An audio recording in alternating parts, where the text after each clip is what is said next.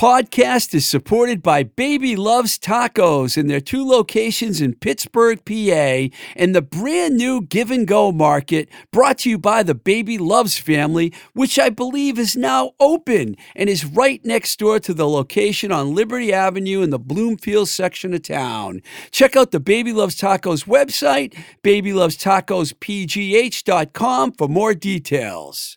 This podcast is also supported by Disorder Vintage. If you have any old rock t shirts from the 80s and 90s lying around, get in touch with Ryan, the main man at Disorder, at disordertracks at gmail.com or at their Instagram page at Disorder Vintage. Disorder Vintage will also be hosting The Faded Show on May 28th in Providence, Rhode Island. For more info on The Faded Show, check out fadedshow.com or at Faded Show on Instagram. Instagram, renowned artist Joey Mars, Sean Taggart, and Joe Perez will be in the house for that event. That's one you don't want to miss.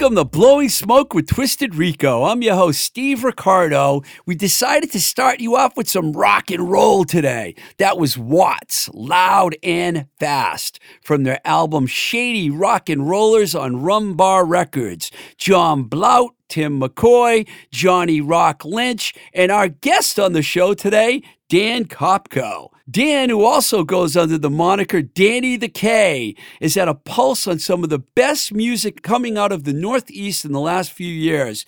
He has surrounded himself with some of the best talent around, and I always say this if you want to get somewhere playing rock and roll, that's something you got to do. Surround yourself with talent. Watts, the Shanghai Lows, the Peppermint Kicks, all outstanding bands with catchy tunes that Danny has a big hand in as far as the songwriting goes and the singing and the playing.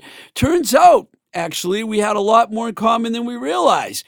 I did not know this, but Dan was in a band that was signed to Enigma Records, a label I worked for many, many years ago. His band Maximum was signed to the label a few years after I had moved on, and uh, it was really cool. We ended up talking about that a lot in the interview and we talked about his roots here in Mass, and of course, all the cool projects that he is part of. I think we hit it off pretty good, and we had a fun talk. I've been wondering for a few years who this Danny Kopko, Danny the K guy was, and how come we never met since we knew so many of the same people. So this was a good time we had. Going to play that interview for you in just a minute. I was able to make it up to the town, the city festival and Lowell. Lowell, Massachusetts last weekend, and I got to see a few acts. Lowell's kind of an interesting town. It kind of reminds me of other mill towns in Massachusetts. It's like a smaller version of Worcester, I'm not trying to scare people from going there. that's a that's a Massachusetts joke. If you're not from Massachusetts, you have no idea what I'm talking about. But like I said, it's an old mill town, and I went up there. I finally got to see Duncan Wilder Johnson do a spoken word show, and I got to say, it was quite enjoyable. He had my attention the whole time. I also caught a little bit of Scott Pittman and the Deluxe Fiasco, and Eileen Rose and the great Rich Gilbert. You want to see a guy that knows a little bit about playing guitar? Check out Rich Gilbert. He is an animal. He was incredible. Of course, Eileen was as well. And I just want to give a public thank you here to Chris Porter for hooking me up with passes for the festival. It was worth the drive up to Lowell, Massachusetts, the home of the great Jack Kerouac. I feel like I always have to say that. Okay, so last week, Danny Kopko and I had a nice talk on Zoom, and we're going to play it for you right now. All right, man, away we go. You know, um, I've been I've interviewed a lot of people that you've either play with or played with, and they always have these nice words to say about you. So now I'm going to give you a chance, Dan, to return the, the, favor. favor. I'm going to say the name, and then you're going to just praise the hell out of these people. Ready? We're going to start with one of my old friends, man, Lee Harrington. Oh man, Lee is fantastic. What can you say about Lee? The neighborhoods have always been one of my favorite bands, and when Jen and I were putting together the Shanghai Lows initially, we started to toss around names. It's like, who can we get to play bass? And we're like, well, the neighborhoods aren't doing much. What about Lee? And we're like, there's no way Lee would ever join the, the band, you know? Uh, and so on a whim, I put an email out to him and, and he was interested. So uh, what a fortunate, I mean, I, I, I got to pinch myself to be honest. I mean, playing with Lee, I mean, playing with Jen as well. I mean, I'm sure that everybody you say, I'm going to say, you know, it's my great pleasure to be able to play with them. But like, honestly, these are people who, you know, being around the Boston scene, I had seen play and just like looked up to, and then being able to play with these folks is just uh, beyond my wildest dreams. You know, so, you so just... Lee, great guy, you know, awesome bass player, obviously, great sense of humor. I mean, and um, just sort of lights up. I mean, he's he's a pleasure to be around, and and sort of brings you know magic to whatever he touches. So you might as well just segue into Jenny D because you already started to do that. So yeah, Jen is another one, man. I, you know, again, I was a huge fan of the dents and the downbeats, and like would play with them back in the day, like when we were playing at the Abbey and stuff with Watts, and uh, just a huge fan. And and so, um, you know, getting together with Jen, we got together on a whim too. It was another, you know, a lot of these things are sort of happenstance, how you sort of end up in these situations, you know. But I was doing a Clash tribute with Tim McCoy of Watts and it was a great lineup we had and we were doing the 40th anniversary of london calling. So we do we would do all of london calling plus like another dozen or 15 clash tunes. And wow. it was just great you know That's just cool. great lineup and killer. Anyway so we asked jen on a whim like oh would you want to come down and sing a couple with us? And she did and we just had so such fun doing it. Afterwards you know we just got to talking and i said you know if you're ever interested in writing something together i'm a huge fan of yours. And I think it'd be really fun for us to do something together. And she said yes, which I was like, well, wow, okay, you know. So we started to write together, and and um, because we come from such different places, I mean, we share a lot of similar influences, but um, you know, she's obviously got the girl group sort of background thing. Yeah. She's doing with Jenny D and the Delinquents, and a little bit more punk and stuff. And I come from more of a sort of rock thing, you know, Cheap Trick, you know, the Cars, whatever. So putting those things together and then blending the voices is just like some magic, you know. And I got to say, like, I, you know, you never sort of know, you know, at this stage of life, you know, you're sort of like, well, you know, how much more can I be doing this rock and roll stuff? But you put something together like that, and there's this this new sort of magic that emerges from like mixing these new ingredients together. Yeah, you're on And, a roll uh, right now, man. We're going to talk about the Shanghai Lows a little more in a minute, but I just want to Oh. hit you with one more, man. Johnny Rock. Johnny Rock. What can you say about Johnny Rock, man? Another guy who's just a monster drummer. Um, you know, Watts obviously is the, the band I've been in the longest, and um, you know holds a sort of special place in my heart. But uh, Johnny Rock, we were we were lucky to get him. You know, we were sort of goofing around. Um, Blount and I were writing stuff way back. This is like the mid two thousands, and again, you know, the opportunity to work with somebody like Johnny Rock was already playing with the neighborhoods at the time, and uh, you know, we got Watts together to do this um, bachelor party, um, just sort of a one-off for Brian McElroy, who used to be the drummer for the Truckers and stuff. Yeah. You know, you know, probably know Brian, right? So Yeah.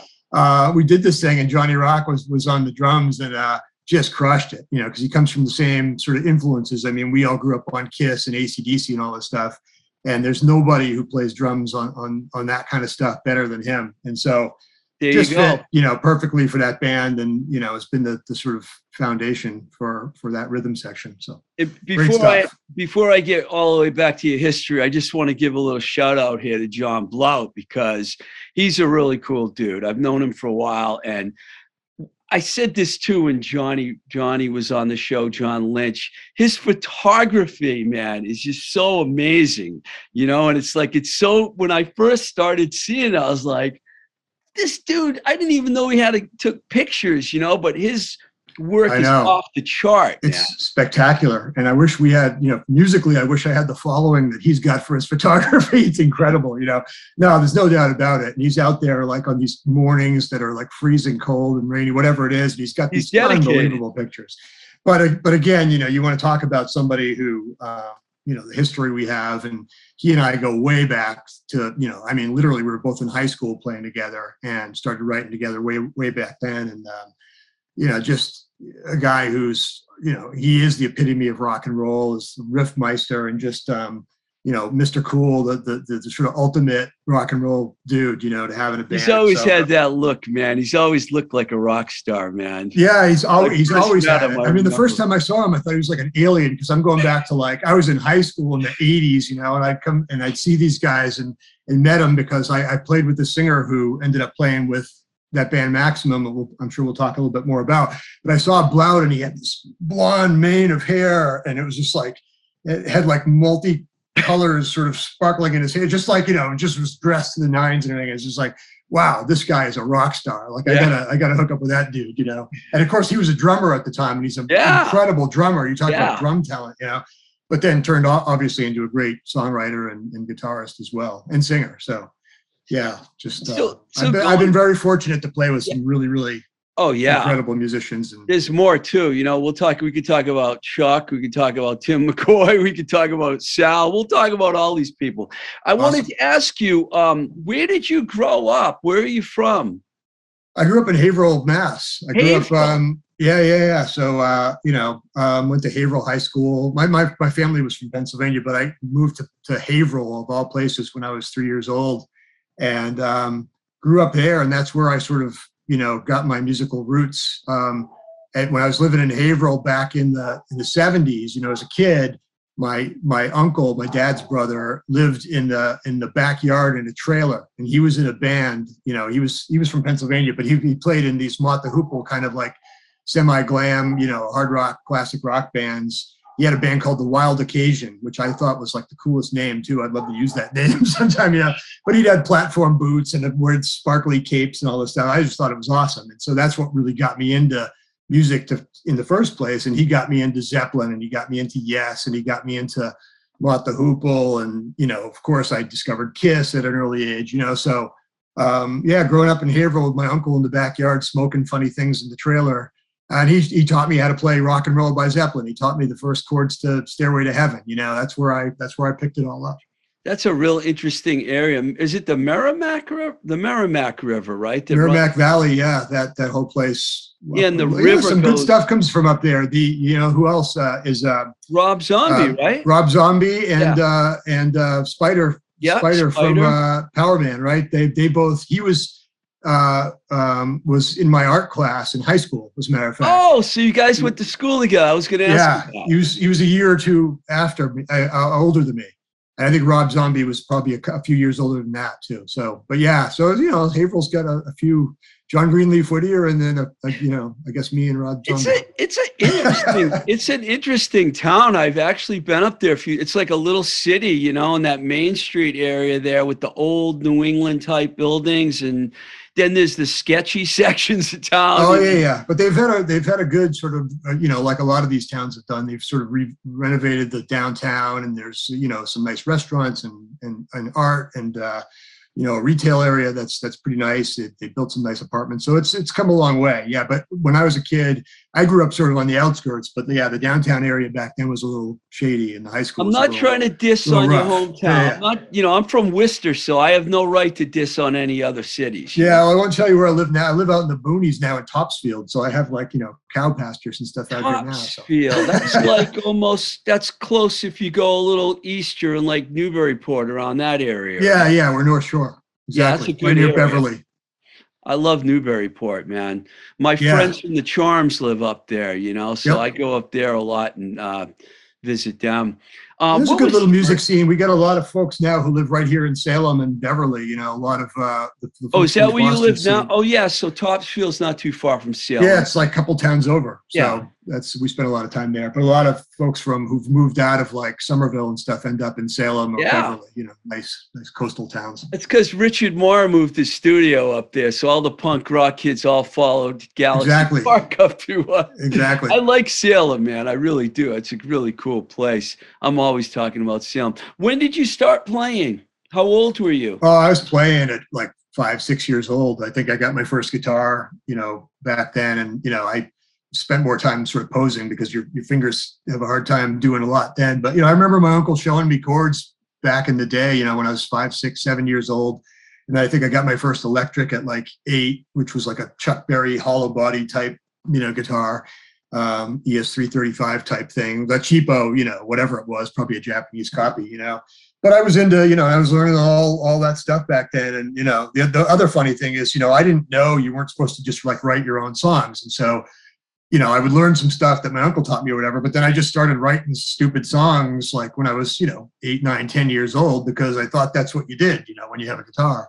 So I started to to write, and um, you know, they were they were dumb three chord songs or whatever, but that was sort of the foundation. The best kind, I, the best. Well, kind. I sort of, you know, I sort of early on was like, well, I can do this. Like, why can't I do it? You know, so I'd write these dumb songs, and then that became the foundation for me being the primary songwriter in most of the bands I've I've been in later. You know, so it's funny how you but it was more because I, nobody told me I couldn't, you know. Like, well, of course I could write a song. Like, why not?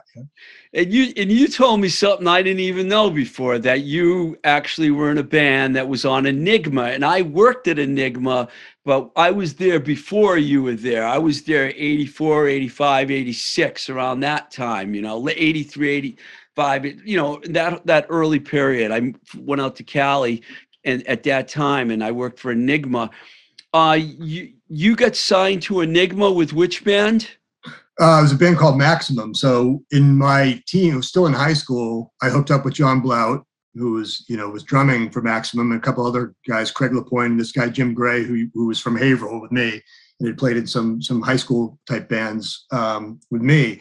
We hooked up with Maximum, which was a sort of Motley Crue glammy type band, you know, that was from the sort of Boston glam scene on the wrong side of the tracks, playing at like celebration and narcissus but we would also play the channel on sundays and like have packed houses and stuff you know Um, and this is like I'm going back to like '86 or somewhere around there. So can I interrupt you for a second? So when you Sure. said the other side of the track, so you knew everyone at the Rat couldn't stand anyone on the other side of the yeah, yeah, but we Oh, knew well. some of them. I remember playing with like you know with Johnny Angel and stuff because he'd come over and play some gigs, you know. So there was a little bit of cross pollination there, even yeah. though most of them will deny it now. But we were playing in the sort of you know we were playing with Extreme and and Mass and those bands that were you know a little bit more hard rock. you know. Yes. Also, remember heavy some heavier bands, you know. Well, the Tears we played with, um, Shout. I don't remember Shout and Drew Ferrante and those guys from Shout.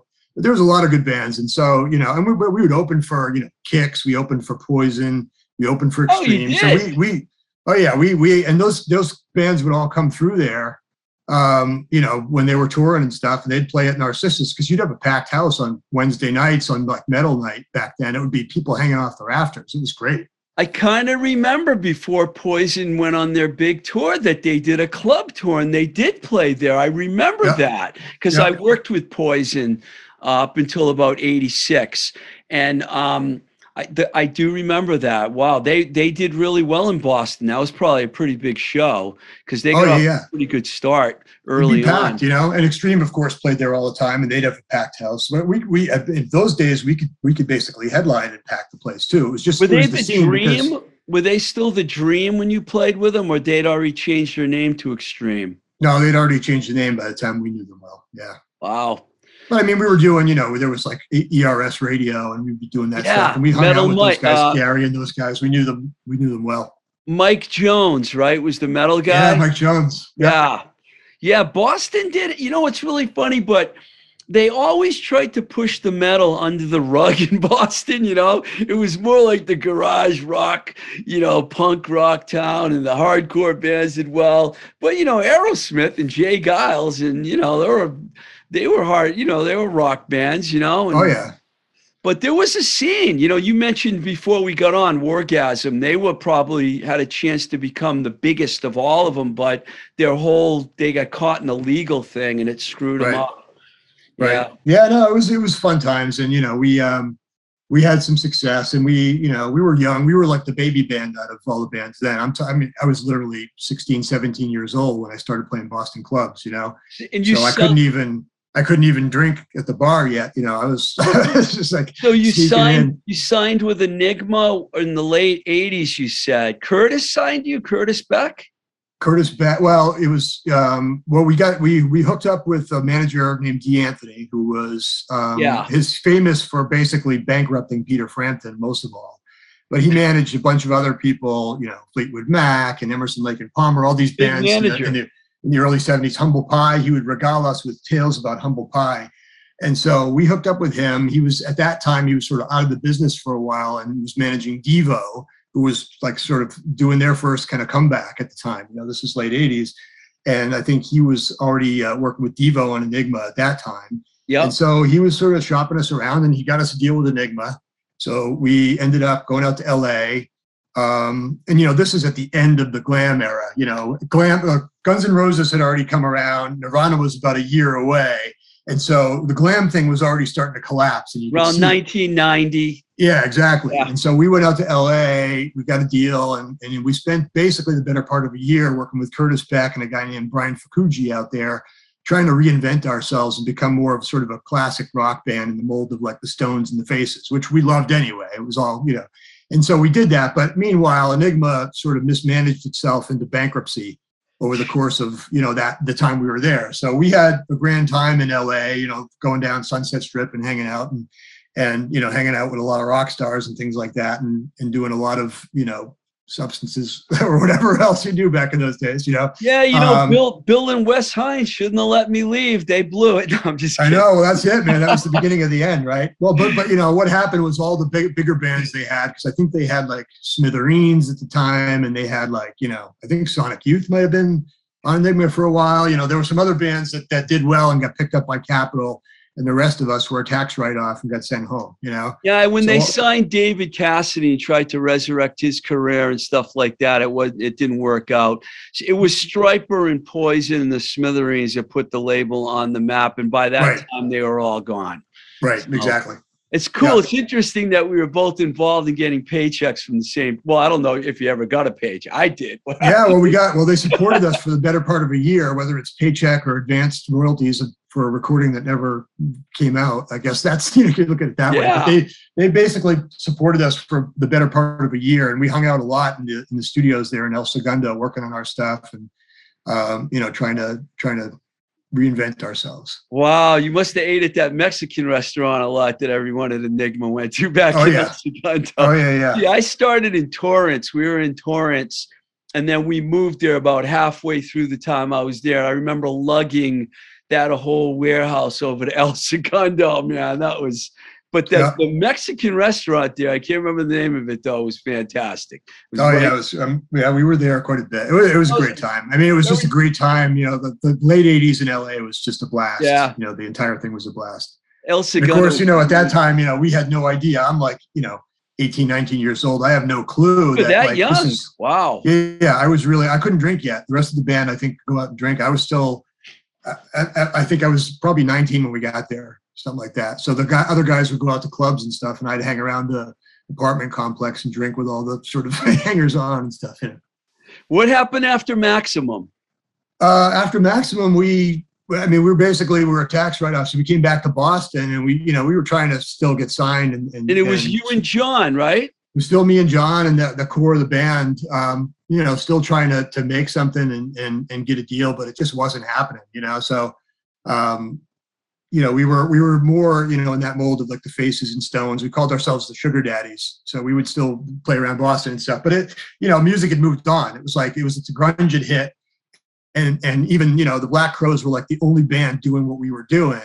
And you know they had done well. Obviously they've they they did very well for themselves but we never really caught on. And so you know we we we tried to stick it out for a few years. But then i sort of got you know, i was like looking at my mid 20s and i'm going you know what am i going to do now you know? Um, and i i started to uh, date my fiance who's now my wife and she was going to school and i said well maybe i'll go to college maybe i'll get a proper job you know so i ended up going on this path which, which basically i was still doing music on the side and i kept doing it but i I basically, you know, went the, the Lee Harrington path and spent. I was know, gonna say, I was gonna say a proper job, lawyers or proper job. I'm Well, not my- gonna my- give you- no No, my whole- jokes. my whole plan then was like, I'm going to become an entertainment lawyer because I love the music stuff and I had had oh. some industry experience. So I'll become an enter- entertainment lawyer, right? But like Boston's not really big for entertainment law. And I actually No. looked for a guy named Mark Fisher. I don't know if you knew Mark. he but- was one of the bigger ones. Yeah, he was the bigger, biggest Yep. entertainment lawyer in Boston. So I went, took a job at, at the firm he used to work at, um, spent a summer working with him, and then he left to go to another firm and left me behind. So I ended up being a, you know, becoming a corporate lawyer because I had to, you know, keep the job and pay the bills, you know. Well, you know, it's it's funny. I can one up you and Lee Harrington because I managed someone that was a judge. She went to law school but became a judge. No, uh, Nicole Laurenne from Love Me Nots. You know, Oh, no at kidding. first when I worked with the band, I had to sign a some kind of a paper saying I could never mention it, but then it got out and it became a big story. The judge rock and roller, you know. So, Oh, cool. so I've worked with other rock and roll lawyers before. Yeah, there's some other ones. Hurley, Dave Hurley, right? I mean, there's there's Yeah. there's a few in Boston, you know. But uh, it's been funny working with Lee in the same band, you know. So you know, we'll occasionally refer to each other as counselor, you know, whatever. so it's just inside lawyer It- jokes. Well, you you probably weren't able to do much rock and roll while you were in law school, though, were you? Uh, you know, it's it's funny because I I did you know I was always playing here and there, and, and I think I you know I in my note to you I said you know I'd always been writing John Blount, and I I I, I kept you know you you sort of say well you know how how much can I do this music thing and it hasn't panned out so I might as well you know start to pursue something else but I always had the writing bug and I would just keep writing and so I, I kept recording with with John Blount and that's how Watts ended up starting. You know, after you know a few years of not doing much, we we had some stuff, and you know that's where you know one day he said, "Well, look, you know, we got all this stuff, and we got invited to do this bachelor party thing for Brian McElroy. Would you want to put this this thing together, and we'll, you know, we'll we'll uh, we'll play this thing?" And you know, so we we ended up doing that. There was an earlier incarnation of Watts in there somewhere, but it sort of you know meandered for a while. And then we did this bachelor party and it went really well. People really dug it. And they said, you know, wow, this is like a, a serious band. You know, we thought it was going to be a joke or whatever. And so we just decided we'll keep doing it. And that was, you know, the Abbey Lounge days. And so we just sort of, became part of that Abbey Lounge scene and just started to play regularly. And um, you know, that was the start of Watts. And then Watts, you know, now five hour albums later, and you know, Five. lots of yeah, we've we've we've done a lot of stuff. Watts, I mean, believe it or not, we've been together since I think 05 with more or less this lineup, right? So you're you're approaching 20 years. I got the Black Heart of Rock and Roll album behind me, and I got the uh, the CD Shady Rock and Rollers in my hand. So I only have two of them, but I really dig Watts. It's like you, John Blount, Johnny Rock, and Tim McCoy. You guys are like keeping the tradition of the straightforward hard rock with a little pop edge in there, you know, a little pop in there. It's kind of like cheap trick, kind of. You guys have played shows with them. Was Yeah. your intention with Watts to to be like a '70s rock band? Because that's what it feels like to me, which is a compliment, by the way. You mentioned the Faces; they're one of my favorite bands. Queen, Faces, Mott the Hoople. I love the early '70s glam, Oh yeah. Uh, English glam scene. Was that your intention? It was, it was, yeah. I mean, I think, you know, it, I guess you don't really sort of consciously think about it, but when we sort of looked at sort of common influences and, and what the sound of that band was, it definitely evolved to like, you know, Cheap Trick, ACDC, a little bit of Kiss because Johnny Rock's in there and we all Yeah. grew up on that stuff, you know, little Aerosmith because it's Boston rock royalty, you know, I mean, we love Aerosmith. We opened for Joe Perry. Uh, what a thrill that was. I mean, you know, just we've been very fortunate to be able to open for some of the bands, but you know, you can tell by the roster of bands we've opened for who were influenced by because we opened for Gene Simmons, we opened for Cheap Trick, we opened for Ace Frehley, we opened for Joe Perry. So, you know, all that stuff came out. And I think that's where that band definitely gravitated. I mean, I've always written a broader range of stuff, you know, which is sort of where the Shanghai Lows came in and sort of, you know, where I could do, you know, different stuff after after the fact.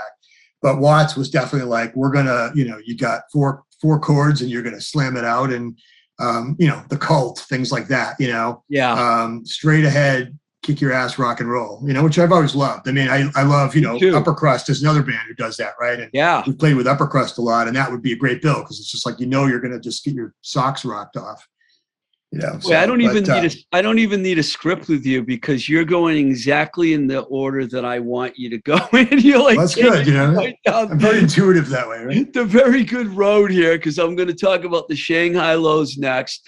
Uh, Lee Harrington, Jenny D, Chuck Ferreira, who's a really well-known drummer. Like it's a fabulous all-star band with catchy tunes. Um, I want to know how that came together. I've played like "Sway Little Player" on my show a few times. I think I said it was one of the best songs from uh, 2021, or it was it 2020 or 20. You know what? Somewhere to me, those there. two years are like one big ugly year. And then I just saw the Billy video that you guys did, which I thought was really cool. How did that whole thing? You kind of alluded to it earlier, how it came together. But this is a Yeah. real good lineup here. Talk about how Oh, how thank you. it all came together. Yeah, it's just you know I was doing I was obviously still doing the Watts thing and and I but I you know I have a bunch of other material that I had always worked on and had songs laying around that were just not being used. As a matter of fact, Sway Little Player, I have a demo. Um, basically, the first version of that song was written almost 20 years ago, and I had it and it was sitting on Really? the shelf. But I couldn't. It was not a Watts song. You know what I mean? It's just Yeah. it's like this this Buddy Holly meets girl group whatever thing Yeah. and I'm like, well, what am I going to do with that? That's not, you know. So, you know, when I got the opportunity to work with Jen, I had mentioned, you know, it came out of a chance conversation when when we were doing this Clash gig together. Um, you know, it was just uh, what you know, what what do we have for material? Let's start to, you know, and I start dig into the archives and say, well, look, you know, I got all this other stuff that's not right for Watts. And um, and then we would write together new stuff, you know, and, and it started out just Jenny and me, and we would get together and just write some stuff. And we had a good, you know, 10 or 12 songs demoed because I, I've always been recording. I record right here in this room. I mean, I've got a studio set up, and every Watts record was recorded. yeah, you using my old- produced a lot. I didn't mention that that you produced a lot of these records. Yeah, it's all recorded mostly here. Production. Yeah, yeah. I mean, I, you know, that's maybe flattering myself, but you know, it's um, I've always recorded the stuff here, and I basically learned how to do the recording and engineering doing the Watts stuff, the first Watts record, and so every record's gotten a little bit better sounding than the last, you know. So, um, you know, when Jen and I got together, was right before the pandemic, and we had probably a good dozen or 15 songs before we put a lineup together. Um, and we had the foundation for, you know, not, only the EP we, we put out, but now we're recording a full length Um, that'll be out in, a- in, a, in a couple months. And um, we had a bunch of good songs together. And then it was just a matter of finding the right players. But the great thing about it, working with Jen and, and that lineup, is there's no sort of, you know, it, it's totally different sort of no rule set. You know, I was just like, well, what kind of songs are we gonna do? You know, your song like Billy is like this weird, like, you know, Ennio Morricone meets, Yeah, you know, yeah. um, I like you know. Nancy Sinatra or something, right? And it's just like, and we could just say, you know, well, what do you want to put on this? Like, let's have horns and trumpets and like, you know, acoustic guitars and all, you know, whatever. I have a whip on there, you know. It's like, it, it- so there's no sort of Did you record that one or did you do that with Minehan? Yeah, no, I recorded that. That's mostly here. Um, I mean, we we did um, drums at Mad Oak Studios with Benny. Um, Okay. And, and um, Benny is just awesome, and Mad Oak is great, and he just get the best drum sounds, you know. So we got the drums there, and I think Lee recorded with Ed uh, Reamer.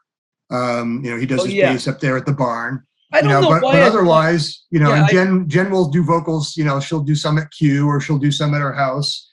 Uh, we've do, done done some here, you know, with, with her, and um, and then I'll do the rest, and I'll I'll sort of glue it together here. So on Billy, I mixed it, but sometime we'll have you know uh, Pat DeCenzo do a mix or whatever, and um, you know just have the but but most of the recording and sort of the the grunt work of it is me.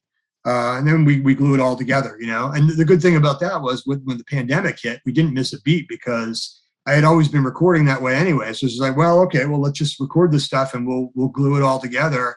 And um, you know, we turned it into a record. I got a little that- confused because I know on the Watts, it's a lot to keep track of here.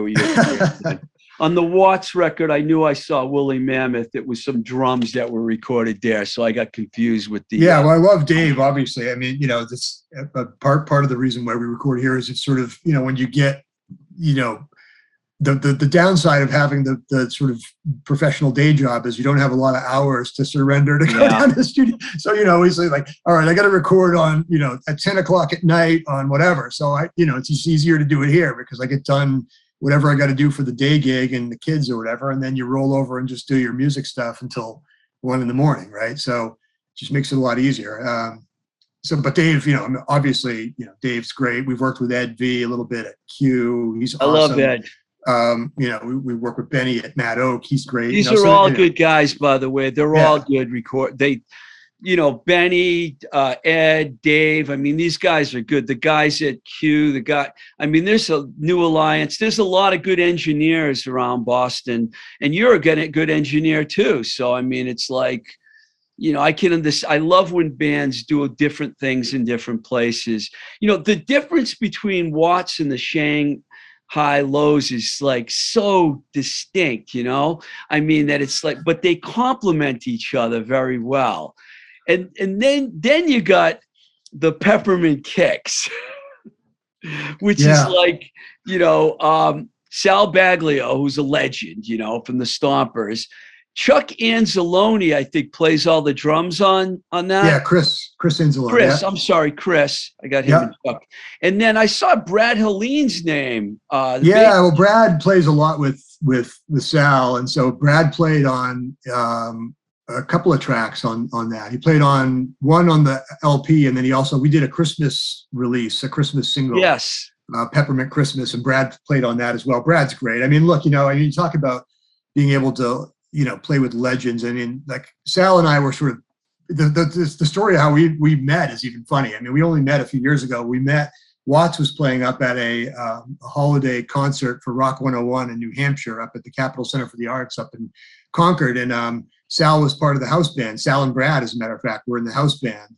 And I got I struck up a conversation with Sal, and we sort of stayed friendly after that. Just you know, sort of digital pen pals. We'd email each other, and occasionally he'd send me a song and be like, "Kopko, what do you think of this song?" And I'd send him some stuff once in a while.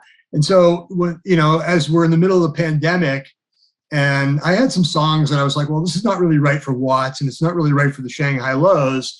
Gee, maybe I'll just do like a solo track or two, and I'll I'll see if Sal's around, and maybe he'll want to play some guitar on this stuff, you know. So I sent Sal Johnny D's, and maybe another song from what became the, the Peppermint Kicks LP. And he's like, this is great stuff, you know. I mean, it sounds really dumb, but like I have some other stuff that that might be good for this. Like, and he's like, well, why don't we make a record? And I was like, make a record with Sal Baglio? Like, all right, yeah, I'm in, man. Let's make a record, you know. So Sal and I basically wrote the entire thing and, and recorded it within the because he's like me. He's got everything in his house. He goes you go down to his downstairs basement. It's all you know. It's he got all the stuff, all the guitars, all the recording stuff. And so basically, we would trade ideas. Like you know, I'd send him something one night, and I, he'd come back with like ten guitar tracks the next morning. You know, a, a chorus of like eight Sal Baglio singing harmonies on my song or whatever. You know, and we threw this thing together, and it was just so natural. Chris Chris Anzalone was. Um, was doing drums out of his little rehearsal room that, as a matter of fact, he shares with the Shanghai Lows uh, down in Arlington.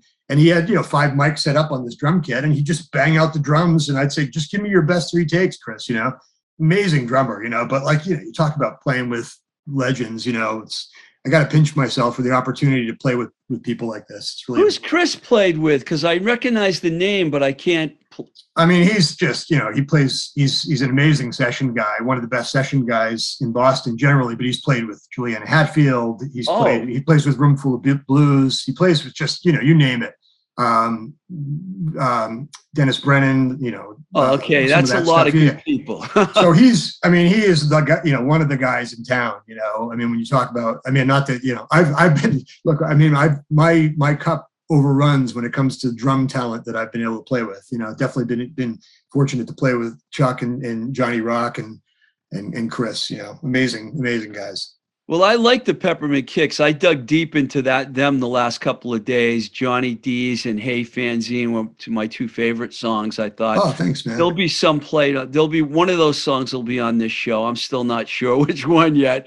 It's yeah, no. hard for me not to. It's hard for me to pick out a song with all these bands because I really like all the bands. You know. Oh man, I appreciate that. Yeah, I, look, you know, it's it's and and then you know, writing that stuff is is a blast, and you know, it's I think with any of the musicians in the scene. You know, the scene is a little bit older now, and I'm sort of like, you know, you got to get all the music out. You know, so like I, you know, when these opportunities present themselves to play with such talented people, you just sort of grab them and and run with it. You know, so my wife thinks I'm nuts sometimes. She's like, what are you, three bands? Like, what? how do you have time for this? You know, and it's like not you just, don't really you juggle them, but you know, you it's quite a compliment to you because not just three bands, but three really, really good bands. I mean, it's like having one really good band's one thing, but having three of them, I mean, I'm like very impressed, man. How do you, how do you see it going forward with these bands? Is it going to be like flip flopping along? Is, is the Peppermint Kicks actually going to be a, a band that plays out, or is that just a project? I mean, what's your plan? Yeah, well, we're going to do it. We're we did we did a gig with the full lineup with Brad Hallen and Chris Anzalone, and we're doing a duo. Sal and I figured like when we can't get a full lineup together, because I mean, you know, we wrote it all and we recorded it all with just Chris on the drums, you know. So when we can't get a full lineup together, we're going to do an electric duo. So we're actually doing that on wow. the uh, on the 23rd or whatever of this month. We're playing down at the Square Root, just the two of us plugged into a couple of Fender amps, you know, blasting it out. So we'll do the whole set but yeah, we're going to keep it together. And, and uh, you know, there's plans for us to do some more recording. Sal's always writing. I've never met anybody as prolific as Sal. The guy like spits out 10 songs per day and it's, and they're all great. You know, he, he jokes with me, he says, well, you know, you rejected like these songs for the record. And I said, Sal, I couldn't keep up with the songs you sent me because there were so many. I didn't reject anything. It's just, I, I glommed onto a few that were just like, you know, great. But like, there's, you know, just too many, too many things, you know, but like the guy's amazing. He's doing, his amplifier head stuff at the same time. He recorded and released an album in parallel with the Peppermint Kicks record that he released like a month later, you know, and only because we decided he should hold it back so it wouldn't like, you know, interfere with sales or whatever, you know. So we'll keep that going. I like, you know, as, I think it's it's fine to juggle these things, and um, they're all different. Well, you, you know, know what with with Watts, you know, John plays with the Dirty Truckers sometimes. Right. Both of them do, right? Or, oh yeah, and he plays with Avoid One Thing. I mean, yeah. I don't know if the Hoods will do anything, but you know, I mean, we're all doing different stuff. Tim McCoy's got a great solo project that's coming out. I played on on like three songs on his solo record. Um, so I think everybody nowadays is like, you know, we're we're all sort of happy to be playing, and I think particularly with COVID and the, the, the lost opportunity it's it's making everybody more you know eager to sort of get out there and be creative with people. And i have no intention of stopping you know i mean you, you might as well keep doing this stuff. And you know you, you figure there's some shelf life to it all you know and, and you want to keep being creative while you can. And you know just when you think like you well you know with a songwriter you're always like well I, you know maybe i'll never write another good song. And then you work with somebody like jen or sal whatever. And, and, and, you know, then it's like, wow, this is a great song idea. And then all of a sudden you get a spark for a new record, you know, and, and that's how these things happen, which to me is like, you know, of all the years I spent, you know, sort of saying, well, gee, you know, maybe I'll have this serious job and everything. I think I'm more passionate about music now than I was 20 years ago and, and more serious about, you know, obviously, you know, you're not going to like some major label deal or, or whatever. Um, but there, you know, I will tell you that the Shanghai Lows have been more successful in a commercial sense than anything I've ever done, which is hilarious, you know, because uh, I didn't think it would happen at this stage. But like that Sway Little Player, like got picked up by Little Steven's Underground Garage, got a cool song, just, you know, and all of a sudden, the next thing you know, like everybody's picking it up, you know, which is sort of unexpected and what a great surprise, you know. But it, it makes you sort of want to do more of it right? I yeah, mean, I'm not surprised. That song is really good, man. Seriously, really good. I mean, I loved it when Jen was on the show and we talked about the band a lot. You know, she's really into it as well. It's cool because she's got other bands too. They, I mean, you're playing with a. You got a group of people around you that are like encompass a lot of different bands. You know, it's really interesting because back in the old days people would get pissed off if someone had a side project or another band. Those days are long gone now. It's a whole new ball game now, you know. Well, I will say, yeah. I mean, that, that's the thing. I mean, I think you know, it's the scene's getting older, but everybody's really supportive of one another. I mean, I'd be remiss too if I didn't say. I mean, I got to mention Lou Mansdorf and Rumbar Records.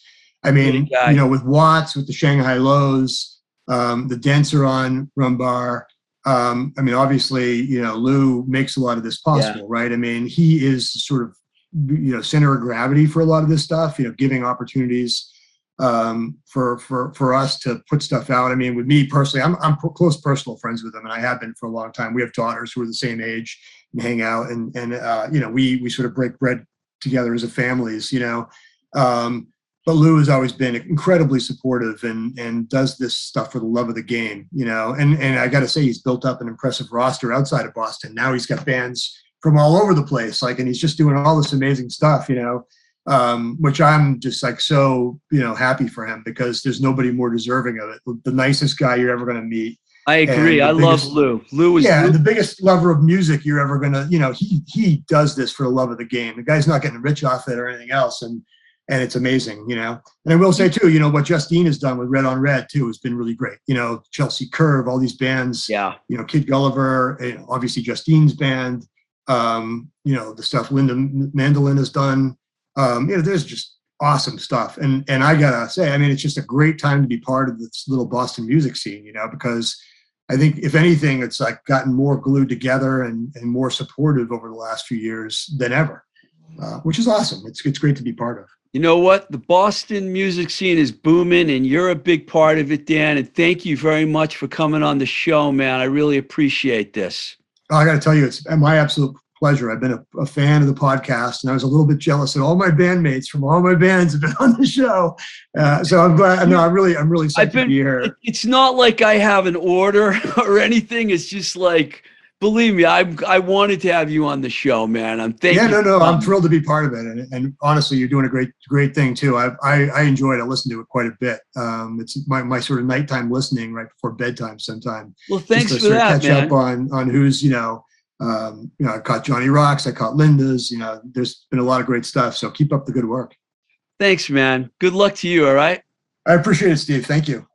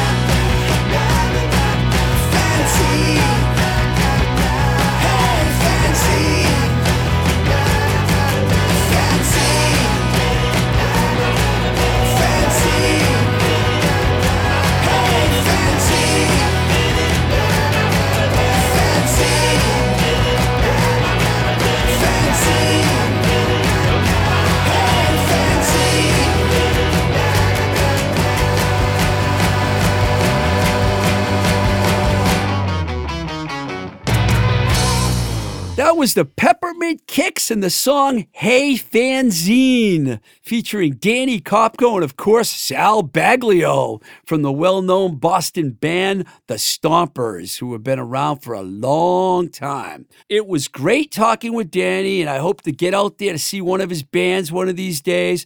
I'll tell you, I like all those bands, but the one I really want to see is the Shanghai Lows, since three fourths of the band have been on this show, which is pretty cool. It's probably more than any other band. If you're enjoying this podcast and want to help me keep it going, please head over to our Patreon page, patreon.com forward slash twisted rico. You can also support us on our anchor site at anchor.fm forward slash blowing smoke tr. And please drop us a line or send me your music at twistedrico at gmail.com or visit us on our Instagram page at blowing smoke with tr. That's going to do it for this week. Thank you for listening. Until the next time we say goodbye, this is Blowing Smoke with Twisted Rico. I'm your host, Steve Ricardo. Keep the rock and roll alive.